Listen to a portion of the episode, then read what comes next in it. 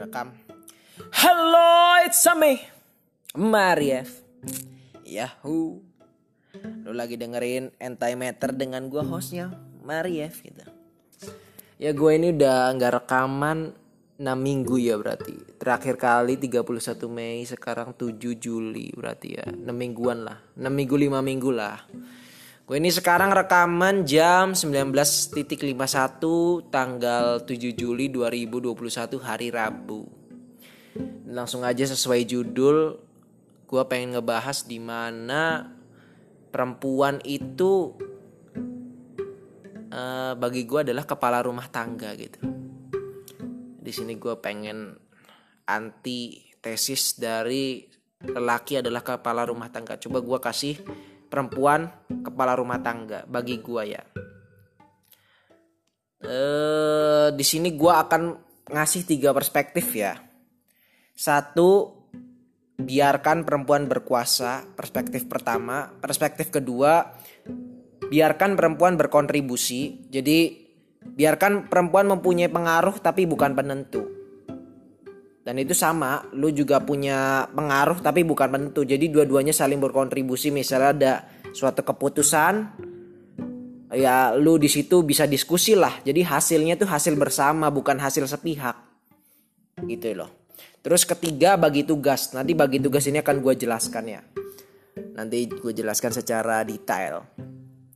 Ya eh, lelaki sebagai kepala-kepala ini sebagai pemimpin itu ya udah biasalah di budaya.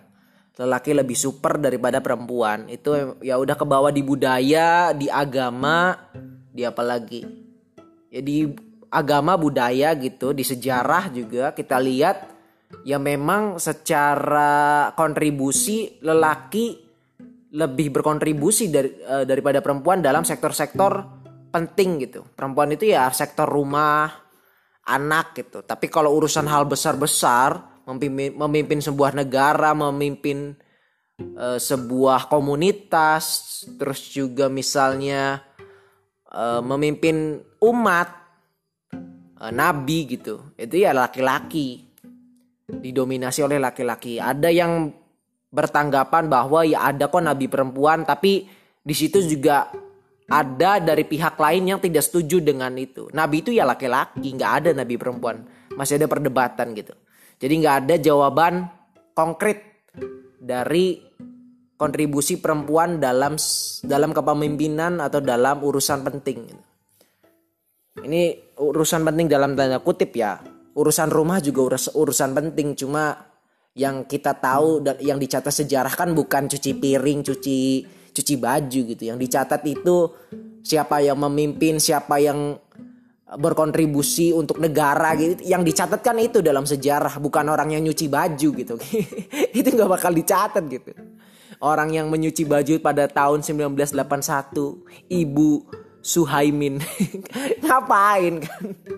Walaupun sama pentingnya daripada uh, apa dengan mengurus sebuah negara gitu. Itu kan saling skill aja Gak ada yang lebih baik. Lebih baik mana mengurus rumah tangga atau mengurus negara?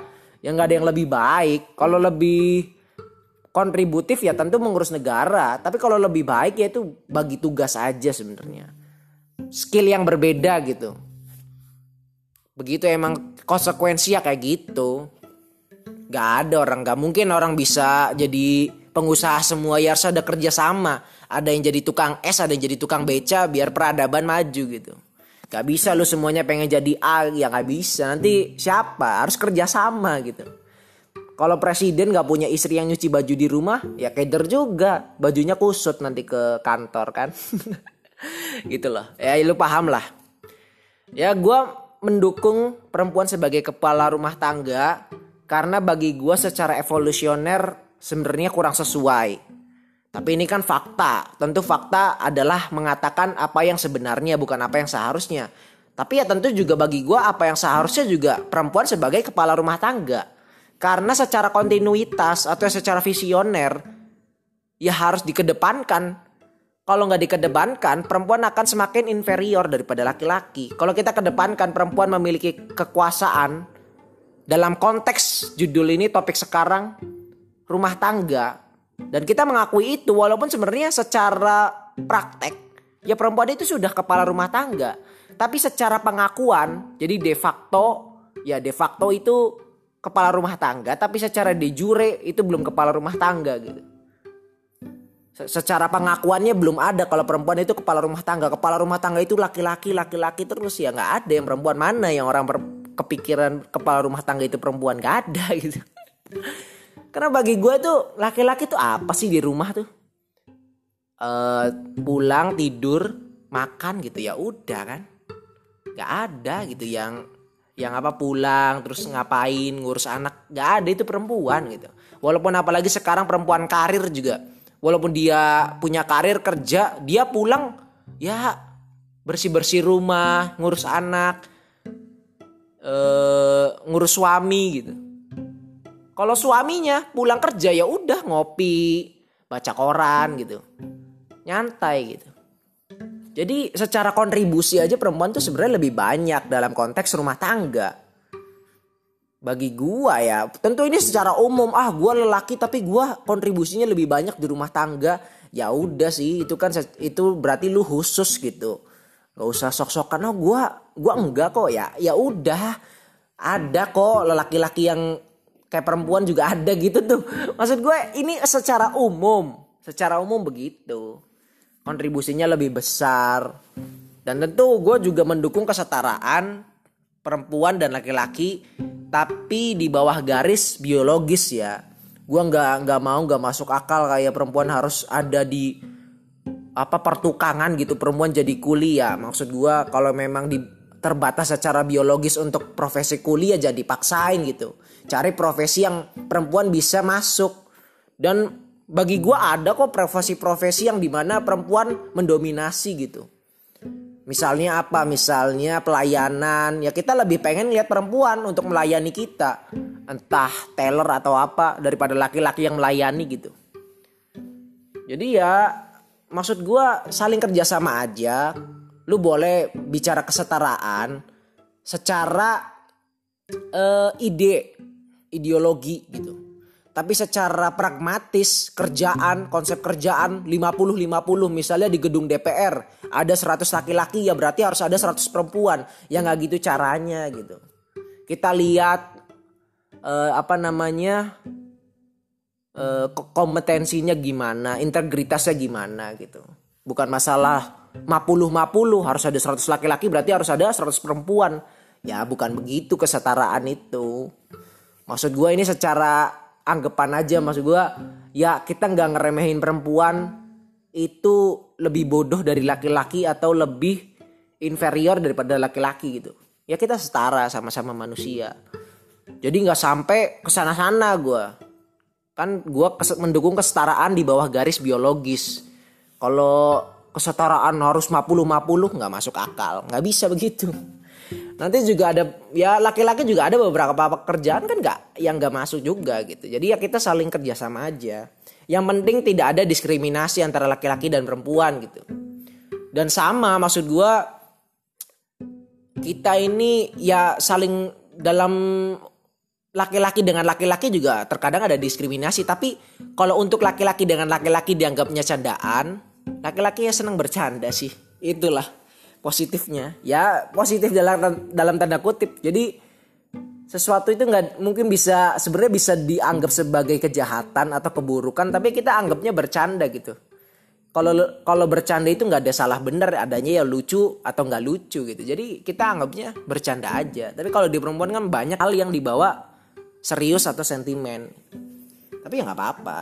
Ini secara umum ya. Kalau lu ah gua enggak gua perempuan santai. Ya udah gitu ini secara umum aja Gak apa-apa, memang lebih emosional misalnya apa gitu ya. Banyak hal secara biologis yang membuat perempuan lebih emosional gitu.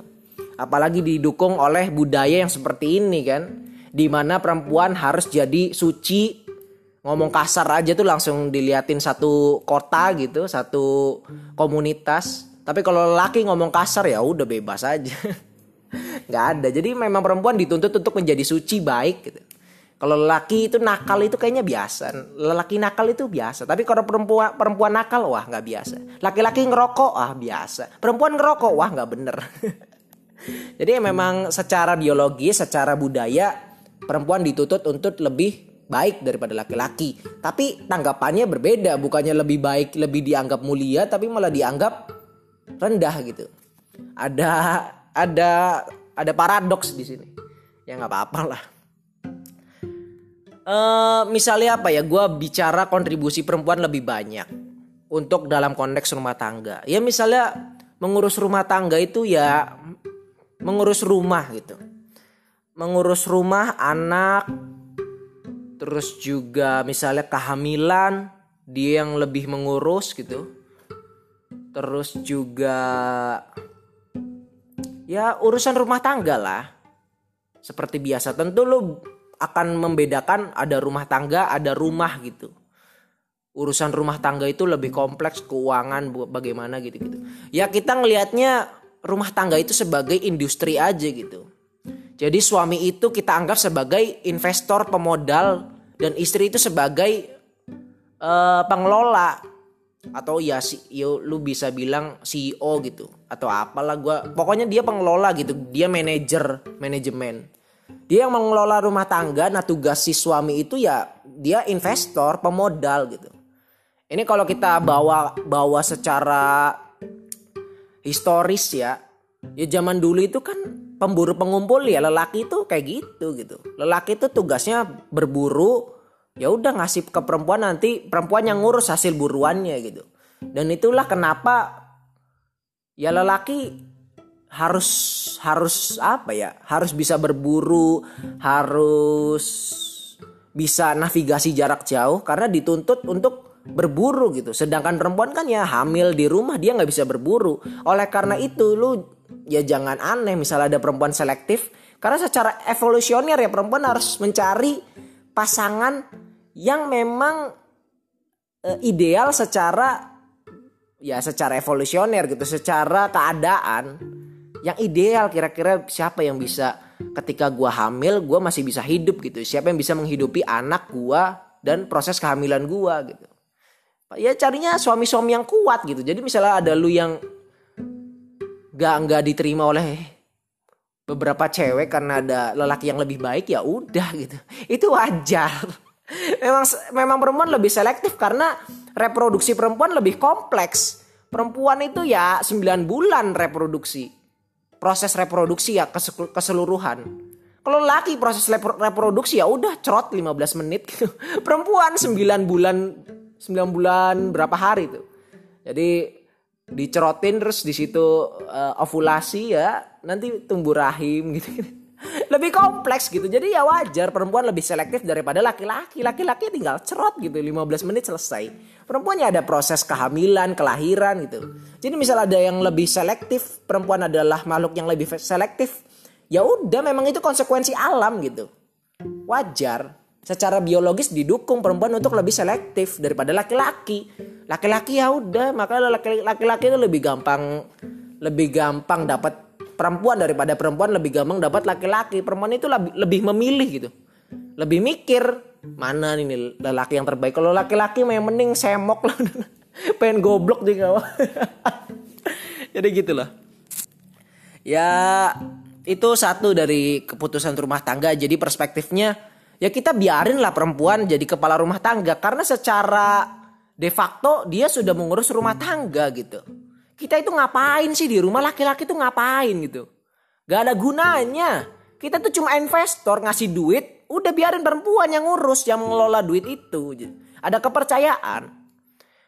Dan tentu ada bias di mana ya gue juga punya bias karena gue belum nemu perempuan yang bisa gue percaya untuk menentukan keputusan gitu. Gue belum belum ketemu di circle gue ya jadi gue pikir ya harus ada perspektif kedua di mana ya harus ya perempuan boleh berkontribusi lah. Jadi di sini tadi gue perempuan boleh menentukan, tapi kan di situ kan ada standar-standar di mana ya penentuannya harus lebih baik dong daripada yang lelaki gitu. Misalnya lelaki punya keputusan atau punya kapital kapital pemikiran gitu, modal pemikiran yang baik tapi perempuannya juga harus memiliki modal pemikiran yang baik agar keputusannya baik atau lebih baik daripada laki-laki gitu. Jangan sampai ya kita kasih kuasa ke perempuan tapi perempuannya memberikan keputusan yang buruk gitu. Jadi ya salah juga kita pengen pengen mengedepankan perempuan mengedepankan kesetaraan atau mengedepankan hak perempuan untuk mengambil keputusan tapi keputusannya jelek gitu. Kan yang rugi kita juga dari karena kita bagian dari rumah tangga juga gitu. Jadi ya itu harus ada modal gitu untuk perempuannya jadi ya ada ada kompetensi lah di situ nah gue perspektif kedua ini yang paling yang paling masuk bagi gue minimal harus ada kontribusi dari perempuan dalam mengambil keputusan, yaitu pengaruh gitu. Jangan semuanya diputuskan oleh si lelaki. Jadi kedepankan diskusi, kedepankan debat, kedepankan uh, ngobrol gitu. Jangan ja, apalagi perempuannya jangan misalnya ya apa apa katamu lah atau ya terserah gitu ya jangan gitu. Ayo kita diskusin panjang nggak apa-apa semalaman gitu misalnya anak sekolah di mana Ya ayo kita diskusiin, kita kasih data, ide. Perempuan boleh ngasih data, ide, perspektif dia. Walaupun dia perspektifnya nggak sebanyak lelaki misalnya karena perempuannya sibuk ngurus rumah tangga, nah lelaki punya waktu buat nyari informasi sekolahnya gitu. Ya dia ngasih ngasih informasi nih. Saya dapat informasi A B C D E F G tentang sekolah ini dan sekolah ini A B C D E F G. Menurut kamu mana yang lebih baik untuk anak kita gitu.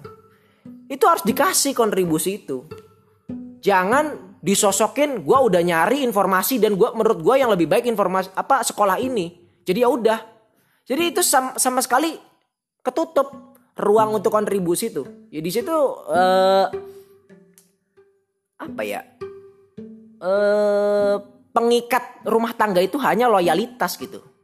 Bukan ide. Jadi ya cuma kepercayaan si perempuan terhadap laki-laki. Nah ya mending kalau lakinya memang bisa dipercaya gitu. Memang kapital pemikirannya bagus tapi kalau kapital pemikirannya buruk ya jadinya percaya-percaya aja bahaya ini. Paling enggak walaupun kapital laki-lakinya baik tapi kan kalau didiskusikan ya walaupun sia-sia tapi paling enggak ada kesempatan untuk jadi lebih baik gitu kalau lu nggak nggak nggak didiskusikan ya udah segitu aja kalau buruk ya buruk kalau baik ya baik tapi kalau lu, lu diskusikan lu cari perspektif baru, paling nggak itu bisa ada kemungkinan lebih baik gitu. Tapi kalau kemungkinan lebih buruk gak mungkin. Ya udah di situ gitu. Jadi udah ada standar pas lagi lu ngasih informasi itu standarnya 8 gitu. Dan ketika lu didiskusikan lu jadi dapat 10. Tapi nggak mungkin itu turun jadi 6 tuh nggak mungkin karena itu udah ada, udah jadi standar gitu. Jadi diskusi itu membuat lebih baik atau sia-sia. Gak mungkin untuk menjadikan itu lebih buruk. Jadi ya mendingan didiskusikan aja dan didiskusikan itu niatnya untuk mencari perspektif gitu bukan cuma formalitas ya gue gue paling gak udah nanya lah tapi ya urusan milih ya urusan gue gitu ya jangan gitu juga. Jadi ya diskusi itu nggak gak ada nggak ada nilainya itu cuma formalitas aja. Cuma pikiran lu untuk ya ya gue libatin lah istri gue dalam keputusan. Ya kalau kayak gitu kan ya formalitas aja. Lu lu lu libatin tapi lu juga dengerin gitu tuh. Lu dengerin uh, perspektif dia apa. Nanti lu kelola dalam otak lu tuh. Oh ya dia punya perspektif ini jadi dia itu fokusnya ke hal apa ya. Eh, sini tak tak tak tak lu sebagai suami gitu. Ya itu perspektif kedua yaitu perempuan harus berkontribusi gitu. Jangan lelaki ber, uh, berkuasa sepenuhnya. Jadi perempuan harus ada kuasa di sebuah rumah tangga tuh. Jadi bukan kepercayaan kepercayaan udah terserah kamu. Saya percaya sama suami saya. Ya ya paling nggak ada usaha gitu tuh. Ini kan maksud gue secara kontinuitas misalnya ya nanti kualitas perempuan ini nggak berkembang gitu segitu-gitu aja kalau didasarinya kepercayaan. Ya udah suami saya terbaik suami saya terbaik. Ya masalahnya nanti pengen sampai kapan perempuan itu jadi uh, pihak yang cuma iya iya aja gitu tuh ngangguk-ngangguk aja nggak pernah jadi pihak yang bersuara. Cuma iya iya iya gitu. Ini kan maksud gue lu pengen perempuan harkatnya naik, martabatnya naik, tapi lu nggak mau naikin kualitas perempuan gitu tuh. Gua nggak bicara ini harus langsung blok perempuan langsung jadi baik, enggak. Secara histori juga kan maksud gua pendidikannya diskriminatif. Jadi misalnya perempuan lebih rendah kualitasnya wajar. Tapi ya ayo kita terus dorong biar suatu saat kesetaraan itu bisa terjalan dengan ideal gitu. Kalau sekarang ya tentu gue gua yakin ya. Maksud gue ya lelaki lebih diiniin lah. Secara budaya aja perempuan kita kita ayolah kita sama-sama jujur perempuan itu ya berakhir di dapur ngapain sekolah tinggi-tinggi gitu kan pemikiran orang sekarang gitu. Orang tua sekarang. Ya perempuan itu ya ujung-ujungnya di dapur ngapain sih S1 S2 gitu. Jadi maksud gue secara pendidikan udah diskriminatif. Jadi kualitas perempuan menurun. Tapi paling nggak kita mengedepankan gitu. Jadi ada diskusi ada apa nanti ya menurun gitu. Jadi kontinuitas kontribusi ini berkelanjutan. Kalau ini berkelanjutannya yang ya udah terserah kamu, ya udah saya mau ikutin aja. Ya, lu nggak maju-maju anjing. Itu yang perspektif kedua. Perspektif ketiga yaitu ya bagi tugas. Kalau misalnya lu gak nggak terima dengan gua bilang perempuan itu kontribusinya lebih banyak di rumah tangga. Lu bedain, ada rumah tangga, ada rumah aja gitu. Ya rumah aja ya memang kontribusi perempuan lebih banyak dia ngurusin, tapi kan suami itu kalau untuk urusan keuangan apa dan segalanya itu urusan rumah tangga gitu. Ya dia kan lebih banyak ini perdebatan, nah ini debatable lah kalau urusan rumah tangga suami lebih banyak gitu. Perempuannya lebih, lebih ke urusan rumah. Secara literal ya, urusan rumah. Kalau rumah tangga itu kan kompleks. Beli rumah di mana, siap apa kesiapan uangnya, terus juga e, nikahnya bagaimana gitu kan kompleks gitu. Laki lebih banyak lah gitu. Ya ayo kita bagi tugas saja. Misalnya kayak negara gitu. Negara itu ada kepala pemerintahan, ada kepala negara itu aja lah. Kalau lu pengen simple ya. Ya kita bedain sok ayo. Kepala misalnya kepala rumah tangga dan kepala keluarga. Suami itu kepala keluarga, oke. Okay. Tapi perempuan kepala rumah tangga ya bisa gitu. Bagi tugas. Karena gini loh, secara evolusioner lelaki itu didukung untuk navigasi jarak jauh gitu. Laki-laki itu kalau baca peta itu jago gitu. Wah di sana ada buruan. Wah di, di, di sini pasti rusa ngumpul nih. Kalau jam kayak gini nih biasanya di sana nih ada babi hutan. Jadi navigasinya jarak jauh. Secara evolusioner gitu. Perempuan itu navigasinya jarak dekat karena mereka dituntut untuk mengurus rumah gitu. Mengurus gua. Navigasinya jarak dekat. Makanya perempuan sulit untuk membaca peta secara umum. Ada perempuan yang jago, tapi secara umum perempuan itu kesulitan membaca peta itu kesulitan. Dan sama dengan laki-laki yang navigasinya jarak jauh. Wah kalau baca peta jago. Tapi nyari kos kaki di rumah susah gitu. nah, kos kaki mana mah? Wah pah nggak tahu. Wah masa nggak tahu sih kemarin kan naruhnya di atas meja. Oh iya. Jadi lah perempuan yang kalau dalam urusan rumah apal loh selubuk-selubuk rumah itu apal gitu. Navigasi jarak dekat. Tapi kalau jarak jauh perempuan keder dan kebalikannya laki-laki. Kalau navigasi jarak jauh wah jago minta ampun. Tapi kalau jarak dekat kos kaki, kunci motor hilangan terus gitu. Kacamata kan hilang terus gitu. Jadi kita tahu kemampuan kita. Ya ayo, ayo kita akui gitu. Jangan kita merasa wah saya nggak saya saya nggak mampu mengurus rumah tapi ya harga diri saya sebagai laki-laki ya harus meng, harus punya kuasa di sini untuk rumah gitu ya pengennya berkuasa aja padahal ya secara kemampuan kompetensi laki-laki tuh nggak ada kompetensinya untuk hal-hal tersebut gitu secara umum kalau lu ketemu perempuan yang bisa baca peta jauh tapi dia navigasinya jelek ya lu imbangi aja dengan lu yang navigasi jarak pendeknya pinter gitu. Imbangi aja. Ini kan secara umum. Kalau ada yang nggak begitu ya udah ya udah gitu. Jadi secara evolusioner kita beda gitu. Ya dituntut untuk begitu. Jadi ya kita akui aja. Ada kepala rumah tangga ada kepala keluarga oke laki-laki kepala keluarga urusan di luar keluar di, di luar rumah tangga gitu. Entah sekolah uh, entah nyari uang itu urusan di luar rumah tangga gitu di luar rumah gitu. Tapi kalau urusan rumah tangga perempuan. Anak makan apa minum apa uh, misalnya keputusan harus beli TV atau komputer gitu. Itu harus harus di, harus keputusan perempuan gitu. Karena dia mengurus rumah gitu. Harus ya kita juga harus mengedukasi perempuan ini harus paham. Misalnya lu pengen pengen punya komputer ya lu harus jelaskan gitu. Sepersuasif mungkin. Kalau gua nih pengen komputer bukan lu maksa ya udah ini kan gua, uang gua gua yang beli lu nurut don lu tinggal ngurus aja gitu. Ya nggak bisa gitu gitu. Ya dia dia ya harus dikasih tahu ini kenapa gua butuh komputer kenapa gua beli komputer kenapa harus beli komputer gitu. Lu kasih tahu sepersuasif mungkin semenarik mungkin supaya disetujui gitu. Ini kan enak saling membutuhkan. Jangan kalau semuanya didominasi oleh laki-laki ya nanti juga hubungannya jelek. Bagi gua ya ya nggak tau gua setahu gua gua pernah denger. Jadi cinta itu ya cuma sebentar gitu. Lu jatuh cinta itu bentar lah. Dua bulan tiga bulan. Ke sananya mah bukan cinta lagi. Ke sananya mah saling membutuhkan gitu. Jadi kalau misalnya lu udah selesai jatuh cintanya itu bu, itu ya bukan udah bukan emosional lagi. Di situ ya rasional sebenarnya. Saling membutuhkan. Ketika lu udah ngerasa nggak membutuhkan pria ini atau perempuan ini ya lu bakal meninggalkan dia gitu. Bosan lah alasannya. Atau ya dia nggak peka atau apa ya itu alasan lah. Tapi kalau lu masih membutuhkan, saling membutuhkan jadi misalnya lu bisa ini dia bisa itu.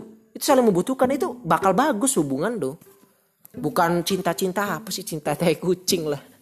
Kalau kalau cinta awal-awal ya cinta tapi ke sananya mah ya harus saling membutuhkan. Jadi gue butuh dia dia butuh gue jadi ya gue ada alasan untuk mempertahankan hubungan ini. Yang ak pada akhirnya alasan bosen terus juga alasan uh, gak peka kayak gitu-gitu tuh hilang gitu. Karena kita saling membutuhkan pengen ada alasan bosen ya lebih baik didiskusikan eh gue bosen nih sama lu gitu. Karena kita masih membutuhkan tapi gue nggak mau pisah gitu. Karena gue masih membutuhkan lu gitu. Tapi kalau udah gue bosen sama lu tapi gue nggak butuh gue nggak butuh nggak butuh lu gitu. Malahan kalau gak ada lu hidup gue jadi lebih baik. Nah itu bahaya itu pisah. Kita harus menciptakan menciptakan situasi hubungan di mana walaupun kita bosan sama pasangan kita tapi kita berusaha untuk menyatukan apa ya berusaha untuk rekonsiliasi. Karena kita butuh gitu. Gak ada alasan kita buat pisah. Kalau kita pisah itu rugi gitu tuh. Harus menciptakan situasi itu. Jadi kita anggap itu rumah tangga itu industri aja jadi bagi para laki-laki itu ya harus pinter memodali rumah tangga pinter berinvestasi gitu untuk rumah tangga dan perempuan, ini gue ngambil konteks pemburu pengumpul ya. Zaman pemburu pengumpul ya perempuan harus punya skill masak, skill ngurus anak, ngurus rumah. Ya karena lu bayangin begini loh. Misalnya laki-laki itu udah invest gitu, tapi dikelolanya dengan gak baik. Atau ya dikelolanya gak baik lah uang itu. Apalagi kalau misalnya lu apa ya sebagai lelaki suaminya diperlakukan kayak tai gitu. Dimarah-marahin di rumah padahal lu udah capek-capek kerja gitu. Nah laki-laki ini kan ngelihat ada perempuan yang bisa mengelola dengan baik terus juga nggak marah-marah gitu. Jadinya wah gue mendingan sama perempuan ini gitu gue sama ini nggak gak ada untungnya gitu jadi sebagai investor juga otak otak otak bisnis lu jalan gitu nah oleh karena itu ya pada saat itu ya perempuan harus harus punya kompetensi masak, ngurus gua, ngurus anak, ngurus suami. Karena ya suami itu ya investor, lu harus mengelola mengelola investasi itu dengan baik. Ya tapi zaman sekarang kan peradaban udah ada, sekarang mah ada pembantu. Ya udah silakan pakai pembantu gitu. Perempuan gak harus bisa masak, yang penting ya saling membutuhkan lah. Ada ada ada sektor saling membutuhkan di situ. Untuk saling membutuhkannya apa ya silahkan terserah. Pengen itu hal yang emosional atau hal yang pragmatis ya terserah gitu. Kan ada yang saling membutuhkannya ya yang penting saya denger kamu nyanyi gitu. Karena gue kalau gue denger lu nyanyi enak aja. Jadi ya gue pengen pacaran sama lu tuh karena gue senang suara lu gitu. Ya nggak apa-apa itu fair gitu paling nggak ada ada poin di mana lu membutuhkan dia gitu. Entah dia bikin kopi nyanyi gitu ya. Pokoknya ada ada membutuhkan gitu. Jangan sampai ya udah ah gue gue sebenarnya kalau nggak ada dia lebih untung gue nih. Ya jangan sampai kayak gitu gitu. Ya gue jadi paham ya di situ ya. Eh ya kita kita sepakat lah ayo lah kita sepakat perempuan itu kepala rumah tangga. Tapi kalau misalnya lu gak mau ya untuk sekarang. Ya nggak apa-apa untuk sekarang janganlah. Tapi untuk ke depannya ya kita usahakan gitu. Ini ini sebagai cita-cita. Kalau lu nggak mau menganggap ini sebagai keadaan yang konkret lu anggap ini sebagai cita-cita. Karena mungkin perempuan sekarang kualitasnya belum memadai gitu secara umum untuk menentukan sebuah keputusan. Jadi perspektif pertama untuk dijalankan itu terlalu sulit. Karena ya ya gue juga belum ketemu gitu perempuan yang bisa gue percayakan sebuah keputusan gitu. Eh ini gue ada se sebuah persoalan lu yang mutusin gitu. Gue belum ketemu perempuan yang bisa gue percayain begitu tuh belum ketemu gitu. Gue pasti akan berusaha untuk menentukan sendiri. Jadi gue juga ada bias karena ya belum belum belum belum ada gitu. Belum nemu masalahnya. Tapi kalau nemu juga ya baru ada gitu jadi misalnya untuk perempuan sebagai pengambil keputusan ya itu sebagai cita-cita lah. Yang penting kita sekarang berarti ambil perspektif kedua. Ya paling nggak perempuan harus berkontribusi gitu. Dia harus berkontribusi. Di mana ya ya dia setiap ada persoalan permasalahan kita kita kasih ke dia gitu. Kita jelaskan apa perspektif dia apa ide dia. Ya sebagai kita brainstorm apa brainstorm storming gitu. Storming storming storming. Brainstorming gitu. Jadi ya perempuan itu berkontribusi lah paling enggak kalau perempuan itu mengambil keputusan itu sebagai cita-cita. Dan itu sektornya mungkin bukan sektor rumah tangga. Kalau sektor rumah tangga itu idealnya ya perspektif kedua tadi berkontribusi. Ya kita perempuannya berkontribusi laki-laki berkon apa perempuan berkontribusi laki-laki berkontribusi. Tapi kalau pengambilan keputusan itu sektornya negara DPR MPR gitu itu di situ mungkin pengambilan kebijakan tapi kalau untuk rumah tangga ya itu perspektif kedua ya atau ya tadi perspektif ketiga kita mengakui perempuan sebagai rumah tangga tapi kita juga mengakui laki-laki itu kepala keluarga gitu jadi ada kepala pemerintahan, ada kepala negara. Perempuan itu kepala pemerintahan, laki-laki itu kepala negara gitu. Jadi kita bagi tugas. Tapi paling nggak kita mengakui kalau perempuan itu kepala gitu, pemimpin. Ada dia memimpin sesuatu.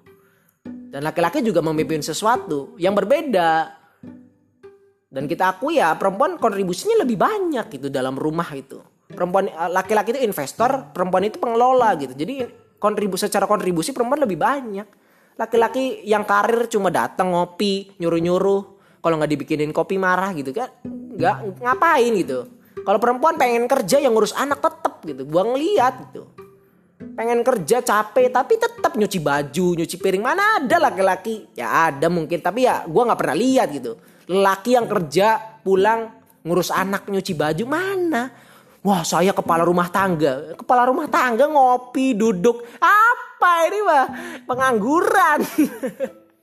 Kepala Ngakunya kepala rumah tangga Tapi nggak ngapa-ngapain gitu tuh Maksud gua gitu loh Maksudnya ya lu secara pengakuan lu itu kepala rumah tangga Tapi fungsi lu tuh nggak ada sebagai kepala rumah tangga tuh nggak ada. Apa sih?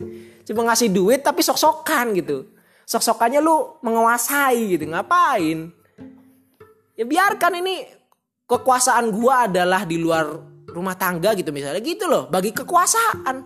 Jangan lu pengen menguasai semuanya. Yang padahal ya enggak.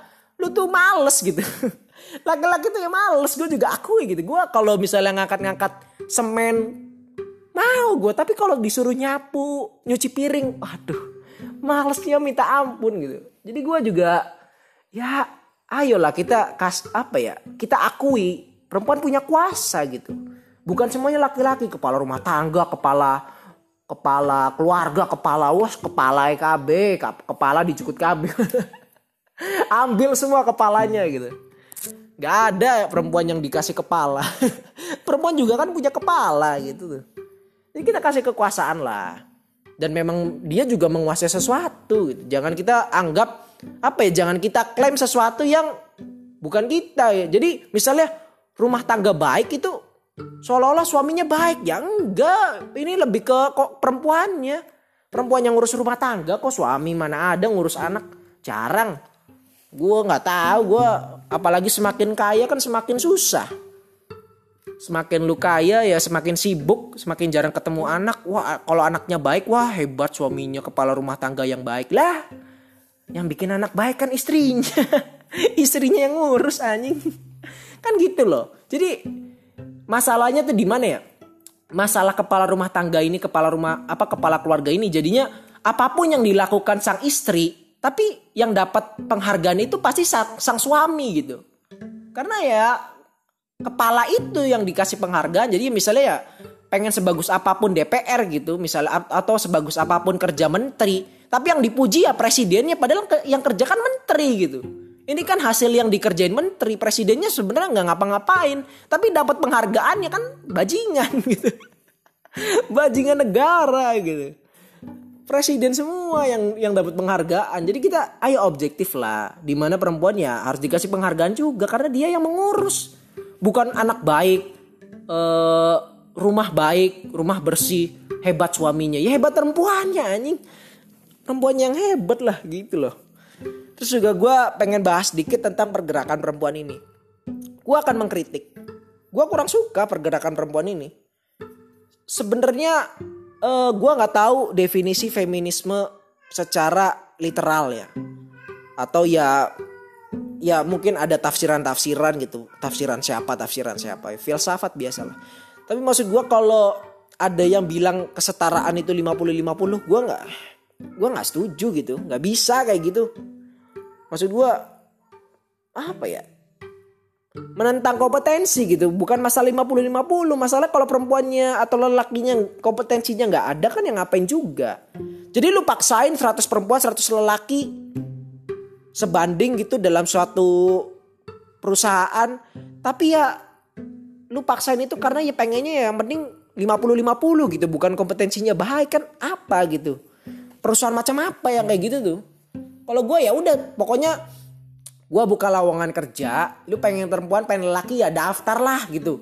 Tapi ya urusan nanti jadinya laki-laki 70 apa laki-laki 70% perempuan 30% di perusahaan itu ya udah. Yang penting apa ya yang penting itu kompetisi kompet, kompetisinya adil gitu tuh. Kompetisinya nggak nggak diskriminatif.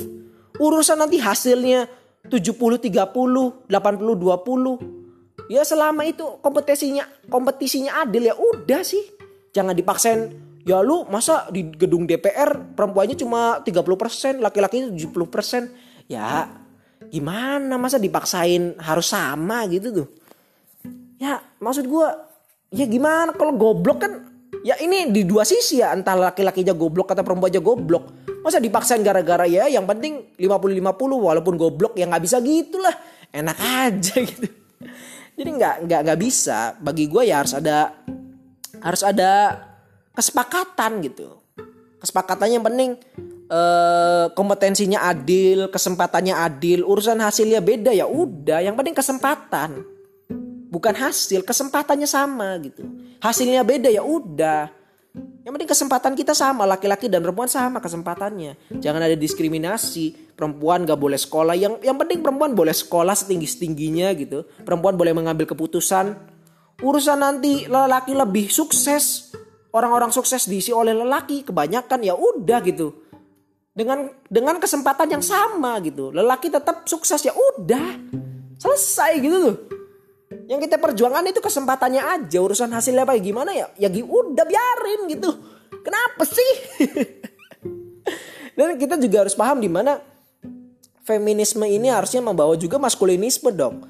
Jangan uh, gua gua nggak suka kayak misalnya pelecehan seksual itu kayak seolah-olah laki-laki perempuan. Padahal kan laki-laki laki-laki juga bisa gitu. Kalau lu bawanya konsep proper, property right gitu. Ya yang penting itu masalah setuju atau tidak setuju. Kalau masalah pelecehan itu bukan masalah objektif atau bisa dianalisa gitu. Ini masalah subjektif. Misalnya lu dilecehkan tapi lu senang ya itu namanya bukan dilecehkan. Gak apa-apa kalau kayak gitu mah gak masalah. Kayak misalnya ada yang ngegrepe lu gitu. Lu perempuan digrepe. Tapi lu seneng. Ya itu bukan pelecehan. Bukan pelecehan kalau kayak gitu. Tapi kalau lu digrepe lu gak terima itu pelecehan. Jadi bukan perspektifnya tuh bukan gak bisa diobjektifikasi gitu. Itu sesuai subjeknya. si korb dalam tanda kutip korban itu menganggap itu sebagai apa? Sebagai pelecehan kah? Sebagai kenikmatan kah? Kalau sebagai pelecehan dia jadi pelecehan. Dan sama lelaki juga. Jadi misalnya lu nyentuh lelaki gitu, misalnya lu grepe-grepe lelaki gitu, kemaluannya atau ya badannya gitu. Misalnya dia nggak terima, ya bukan berarti lelaki ini baper atau apa ya enggak. Itu hak dia gitu. Badan dia itu punya dia, itu hak dia. Kayak misalnya lu ya property right itu ya property right itu ya hak milik gitu. Misalnya lu punya punya Tamiya, punya mobil Hot Wheel gitu. Ya kalau lu pengen megang mobil Hot Wheel ya lu izin dulu. Gua boleh mau megang mobil Hot Wheel lu nggak? Gua boleh megang Tamiya lu nggak? Gitu loh. Sama gitu. Bukan lelaki boleh nyentuh lelaki, perempuan boleh nyentuh perempuan. Ya enggak. Sama gitu. Walaupun jadi di sini tuh lebih ke lelaki nggak boleh nyentuh perempuan atau perempuan nggak boleh nyentuh lelaki gitu. Ini jadinya lebih ke ya lawan jenis. Tapi sebenarnya kan property right, property right itu konsepnya yang penting dia setuju atau tidak setuju. Dia dia tersinggung atau menikmati gitu. Di situ loh. Dia tersinggung propertinya dipegang atau diambil atau dia menikmati atau dia nggak apa-apa propertinya dipegang atau diambil. Itu kan badan itu punya dia gitu. Hak dia. Kalau nggak terima dipegang atau dipegang pe apa digrepe gitu ya hak dia gitu. Jadi ya narasinya dibagusin lah. Yang gua nggak tahu sih. Silakan aja misalnya lu feminis dan lu merasa ah, enggak itu nggak ada hubungannya sama feminis ya silakan. Gue gue sih yang ngelihat prakteknya begitu ya kalau misalnya secara ide feminis itu nggak begitu ya silahkan. Tapi secara praktek ya sama aja dia juga eh, apa agama juga ya secara teori ya bagus gitu. Tapi secara praktek kan ya kita lihat sendiri. Gitu. kita lihat secara praktek gitu. Makanya keluar narasi jangan lihat orang yang beragama tapi lihat agamanya gitu. Jangan lihat orangnya tapi lihat agamanya gitu. Kalau lu pelajarin agamanya lu pasti senang, tapi kalau lu lihat orangnya ya lu pasti benci gitu. Karena ya memang prakteknya kayak tai. Jadi uh, organisasi apa kurang diorganisir lah. Gua nggak senangnya nggak senangnya pergerakan-pergerakan non politik ini pergerakan sosial begini tuh ya nggak ada yang organ ngeorganisir gitu. Kalau gerakan politik kan itu ada yang organisir ada ketua koordinatornya siapa gitu, ada yang bagian humas gitu. Jadi ada koordinator gitu. Kita tahu siapa yang bisa ngomong di publik, kita tahu siapa yang bisa menghadapi debat, kita tahu siapa yang bisa ngomong di acara TV, kita tahu yang bisa ngomong di acara interview gitu. Kita bagi tugas gitu. Jadi kita mempunyai suatu cita-cita, kita bagi tugas. Bukan ini yang yang muncul-muncul nih ya Karen-Karen itu Karen meme itu yang rambut pendek, warna-warni, marah-marah di depan muka orang kan tai gitu. Woi goblok goblok anjing. Gue ngeliat itu anjing nih gak nggak bener nih gerakan nih. Gue nggak sukanya gerakan non politis tuh itu aja kurang terorganisir gitu. Tapi gue tahu niatnya baik. Dan gue nggak nggak suka bawa-bawa sejarah dulu perempuan itu didiskriminasi gini-gini bla bla bla bla. Oke, ya udah kita anggap sebagai sejarah gitu. Dulu ya dulu. Emang sekarang kayak gitu gitu. Sekarang kan lu udah dikasih kesempatan ngomong nih. Kalau dulu kan lu didiskriminasi dan gak bisa ngomong gitu. Sekarang paling gak lu masih didiskriminasi oke. Okay. Tapi sekarang lu bisa ngomong loh. Pengadilan terbuka loh. Lebih bebas sekarang. Jadi maksud gue ya kesempatannya tuh udah gak kayak dulu gitu. Jadi ngapain lu bawa-bawa dulu tuh? Jadi lu lu lu pengen menjelaskan diskriminasi sekarang dengan diskriminasi dulu ya maksud gue nggak nggak apple to apple gitu. Jadi sekarang itu di, sekarang itu buruk karena dulu buruk. Apa sih? Ya udah lu bahas sekarang aja. Apa yang sekarang ini masalah apa? Diskriminasi sekarang apa? Misalnya di kantor uh, atasan sering nyolek-nyolek. Itu aja yang dibahas tuh. Bukan kayak zaman dulu perempuan gak boleh keluar rumah. Ya udah itu dulu. Sekarang kan boleh. Dulu perempuan gak boleh jadi ilmuwan. Ya udah dulu sekarang kan ada tuh kesempatan tuh banyak perempuan jadi ilmuwan gitu loh. Kita kita lebih narasinya lebih objektif lah. Jangan dulu dulu perempuan dipecut ah, anjing lah. Perempuan di dikorbanin jadiin tumbal dia ya sekarang kesempatan udah lebih bebas. Walaupun sekarang lu masih didiskriminasi, tapi kan bentuk diskriminasinya beda. Walaupun dalam garis besar ya sama itu itu juga. Ya karena apa ya keputusan dan lain-lain gitu tuh. Tapi maksud gua ya udah beda gitu. Jadi lebih baik nyari contohnya yang sekarang aja. Misalnya apa ada istri digebugin suaminya lu kasih ke contohnya itu gitu. Bukan tahun 1830 apa anjing 1920. Tai kucing. gue tuh kalau ngobrol sama orang yang mendukung kesetaraan itu bawahnya tuh jauh pisan. Dulu sama gereja perempuan itu dianggap penyihir. Ya udah. Terus apa poin lu tuh? Poin lu tuh pengen menyampaikan ini sejarah atau poin lu pengen mengatakan sekarang ada diskriminasi gitu? Kalau lu cuma pengen mengatakan ini sejarah loh, ya udah gue terima. Tapi kalau lu mengatakan inilah kenapa kita harus mendukung kesetaraan wanita, ya nggak ada nggak apple to apple gitu tuh. Gue nggak gua nggak nggak tertarik dengan argumentasi kayak gitu. Karena dulu perempuan dianggap penyihir gitu, ya udah gitu tuh. Itu bukan argumentasi, itu nggak nggak gue nggak bisa terima dengan argumentasi itu. Itu nggak nggak ya nggak nggak apa ya, nggak relevan gitu. Udah nggak relevan, beda zamannya. Sekarang kita lebih yang sekarang-sekarang aja gitu, nggak bahas yang sekarang, bukan yang dulu-dulu. Jadi ayo perempuan feminis lebih lebih objektif dalam berargumentasi. Lu nggak usah bawa-bawa tahun 1800, 1900. Lu udah bawa sekarang 2021. Apa yang masalah lu tuh apa? Contoh-contoh diskriminasinya apa? Udah dulu-dulu gereja apa nyali penyihir dan lain-lain perempuan dianggap penyihir perempuan yang diem di rumah pinter dianggap penyihir ya udah gitu tuh ayo kita anggap itu sebagai sejarah saja bukan representasi dengan representasi diskriminasi akan wanita itu beda gitu. Kita anggap itu sebagai sejarah, itu bukan bukan menggambarkan diskriminasi sekarang. Jangan kayak gitu gitu. Itu lebay. Oke, kita gitu aja. Gua udah 46 menit ngomong ini. Ya uh, gitu aja ya. Uh, gua gua mungkin nggak tahu misalnya ini gua akan lanjut bikin lagi atau libur lagi karena masih sibuk gitu. Ini gua bikin karena ya senggang, senggang seminggu lah jadi misalnya minggu depan gak ada ya udah, ya biarin. ya kita gitu aja dari gua, gua Marif, lu lagi dengerin Antimatter dan sekarang udah selesai. Jadi ya udah, bangsat lah. Dadah. Yuk.